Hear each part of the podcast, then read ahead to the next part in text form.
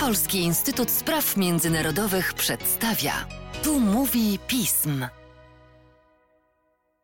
W podcaście Polskiego Instytutu Spraw Międzynarodowych witam Państwa Łukasz Jesina, a moim gościem jest dzisiaj Melchior Szczepanik, nasz specjalista od spraw europejskich. Dzień dobry Melchiorze. Dzień dobry.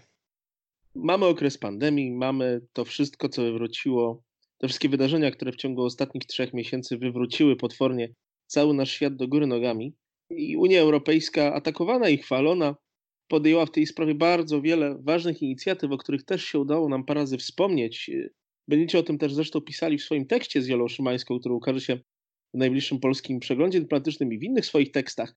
Dzisiaj chciałem się jednak zająć tym, w jaki sposób Komisja Europejska, czyli ten najważniejszy organ wykonawczy naszej Unii, chce wziąć pieniądze na na rozwiązywanie problemów e, przez pandemię spowodowanych. To jest bardzo, bardzo wiele nowych wydatków i pojawiają się bardzo różne koncepcje tego, jak to ma być zrobione. W tym tygodniu bardzo mocno debatowano wokół wystąpienia chociażby Ursuli von der Leyen, która o tym mówiła. Ubiegły tydzień to z kolei oświadczenie Merkel i Macrona. Mógłbyś nam, Melchiorze, opisać, jakie pomysły rodzą się w Komisji Europejskiej, aby nas przed tymi skutkami pandemii jakoś uratować? Oczywiście. Komisja uważa, że w, w, sytuacji, jaką mamy, konieczne jest rozszerzenie czy zwiększenie zakresu tych działań podejmowanych na, na poziomie europejskim, czy podejmowanych przez instytucje europejskie.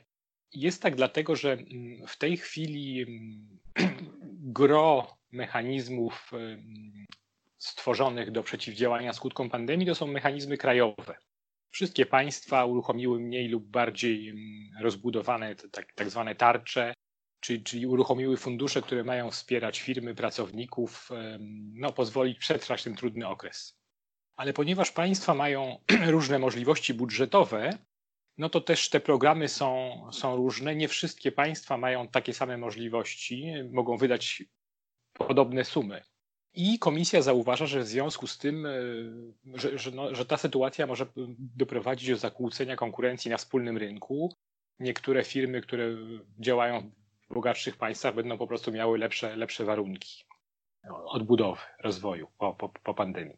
Więc komisja uważa, żeby temu przeciwdziałać, no potrzebne jest działanie na poziomie europejskim, które właśnie miałoby te nierówności e, budżetowe państw europejskich wyrównać. No ale do tego są oczywiście potrzebne większe środki. Na budżet europejski składają się państwa członkowskie, które nie chcą już płacić więcej, bo, bo mają swoje wydatki, mają też problemy w postaci nadchodzącej recesji. No a poza tym niektóre państwa bogatsze uważają, że już wystarczająco zapłaciły na, na państwa biedniejsze. Więc komisji jest trudno przekonać państwa do zwiększenia tego budżetu, że tak powiem, standardowego. No i w tej sytuacji uznała, że jedyną możliwością jest zaciągnięcie długu, czyli emisja obligacji, która, która pozwoli e, komisji na zgromadzenie środków e, na rynkach finansowych. I propozy więc propozycja komisji jest taka, żeby ten, e, że ten standardowy budżet był nieco mniejszy niż proponowała dwa lata temu, czyli obejmował 1100 miliardów euro, i do tego, ale żeby zwiększyć swoją siłę oddziaływania, komisja chce jeszcze dodać kolejne 750 miliardów euro pożyczone na rynkach i 500 miliardów to z tego to będą fundusze, które po prostu zostaną przekazane państwom członkowskim, a 250 miliardów to będą pieniądze na pożyczki, na pożyczki tak, dla państw członkowskich na korzystnych warunkach, tak? na warunkach, które są korzystniejsze niż y, które te państwa, szczególnie te mniej rozwinięte które mają gorszy rating, mogłyby uzyskać na rynkach finansowych. Więc mamy, taki, mamy dość szczególną sytuację, w której mamy ten budżet, te, te właściwe wieloletnie ramy finansowe, taki fundusz odbudowy, który pochodzi z pożyczek. Każdy z nas oczywiście nie, nie, jest tak łatwo przekładalną rzeczą nasze doświadczenie ludzkie z pożyczkami i długami, z pożyczkami i długami zaciąganymi przez państwa czy y, instytucje międzynarodowe. Ale muszę zadać takie bardzo proste pytanie też jako obywatel Unii Europejskiej, poprzez to, że jestem obywatelem polskim. Skoro Unia Europejska, czyli Komisja w jej imieniu chce pożyczyć, to jak chce potem to spłacić? No tak, oczywiście, to jest kluczowe, to jest kluczowe pytanie.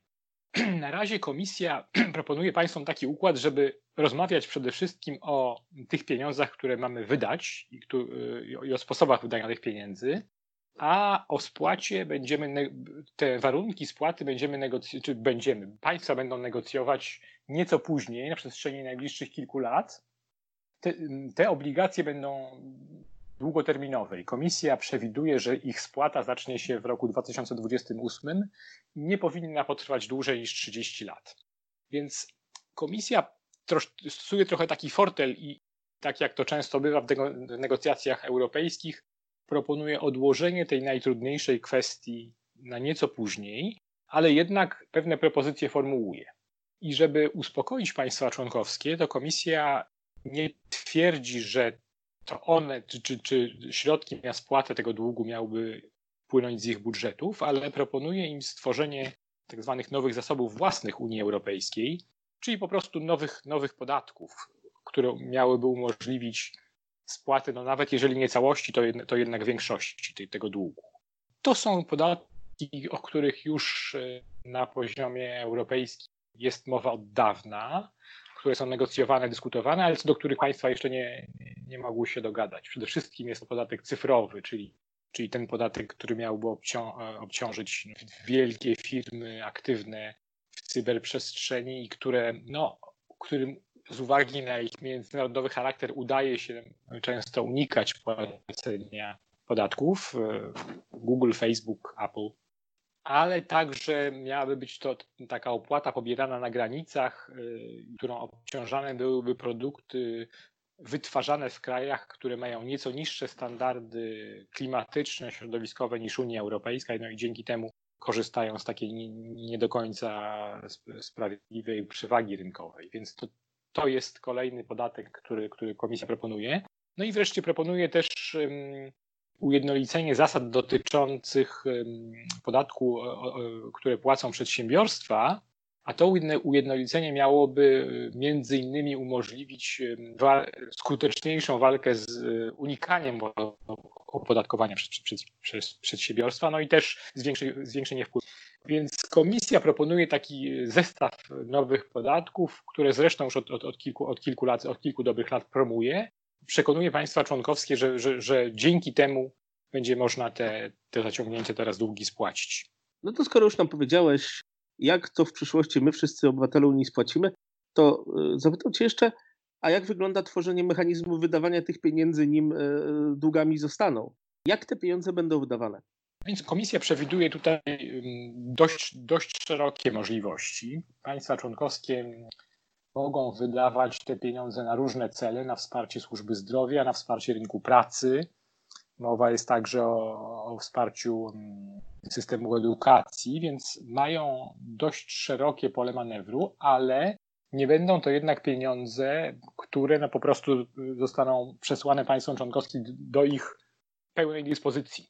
Komisja stawia tu jednak pewne warunki i kluczowe warunki to, to, są, to jest zgodność z dwoma kluczowymi projektami Komisji Europejskiej, które zostały przedstawione jeszcze przed pandemią na początku kadencji tej komisji. I tutaj i to jest tak zwana zielona, zielona transformacja i transformacja cyfrowa.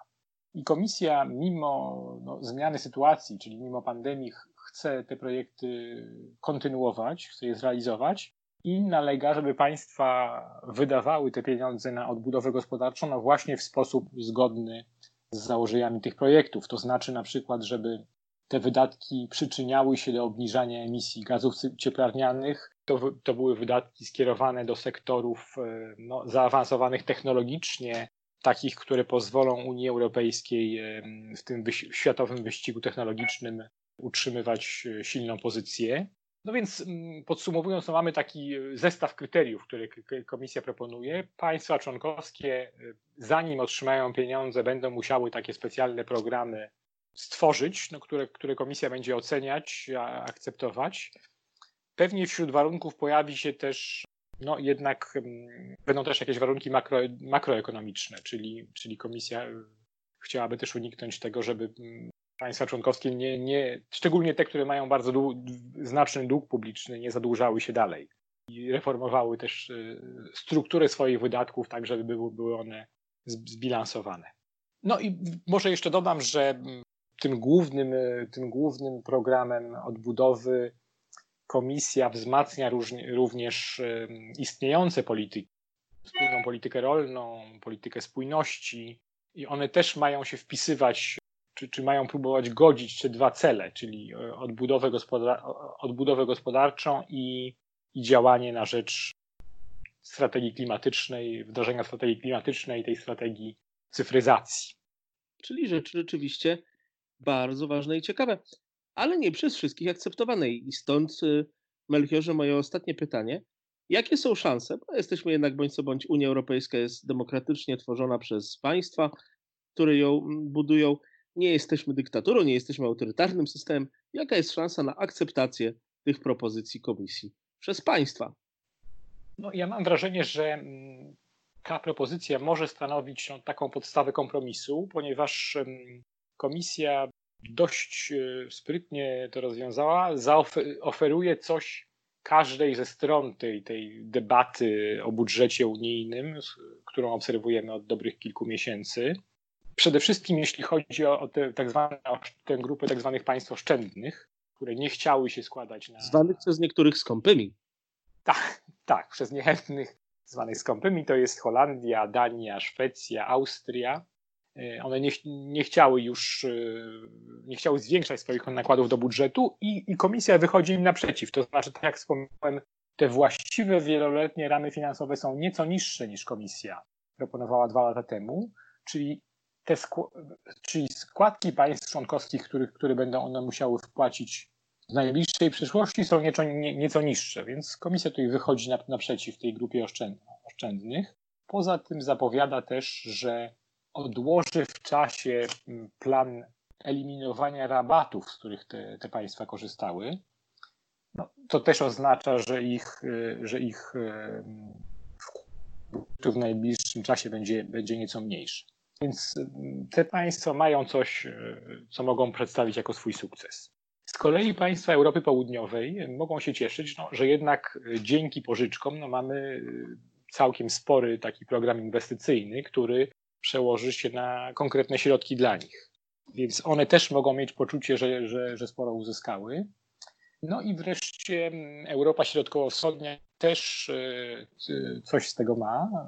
Polska i inne państwa Europy Środkowo-Wschodniej podkreślały, że mm, oczywiście popierają uruchomienie pomocy w ramach, w ramach tego planu odbudowy, ale uważają, że to się nie może przełożyć na obcinanie funduszy dla na te tak zwane tradycyjne polityki, czyli politykę rolną, politykę spójności. I no i taka sytuacja e, ma miejsce. To znaczy, dzięki tej pożyczce komisja będzie, będzie mogła, jak wspomniałem, zwiększyć budżet polityki rolnej i zwiększyć budżet, budżet polityki spójności. Jeśli jeszcze o Polskę chodzi, no to atrakcyjne jest też zwiększenie budżetu takiego specjalnego funduszu, który ma wspierać właśnie transformację energetyczną wspierać te państwa, które w znacznym stopniu opierają swój system energetyczny na, na, na węglu. I tutaj też y, komisja oferuje znacznie większe fundusze, z których y, takie państwa jak Polska będą mogły skorzystać. Więc no, sytuacja wygląda tak, że mm, tak jak powiedziałem, każdy, każdy coś, każdy ma jakiś mały sukces, wokół którego wokół tej, tej sytuacji można, można budować kompromis. Oczywiście no, pozostaje ta dyskusja o, o spłacie długu i tutaj no, najbardziej sceptyczne są oczywiście te oszczędne kraje, które no, niezbyt chętnie widzą ten dług i które też należały do naj, najbardziej aktywnych przeciwników tych pomysłów wprowadzenia nowych podatków, na przykład podatku cyfrowego.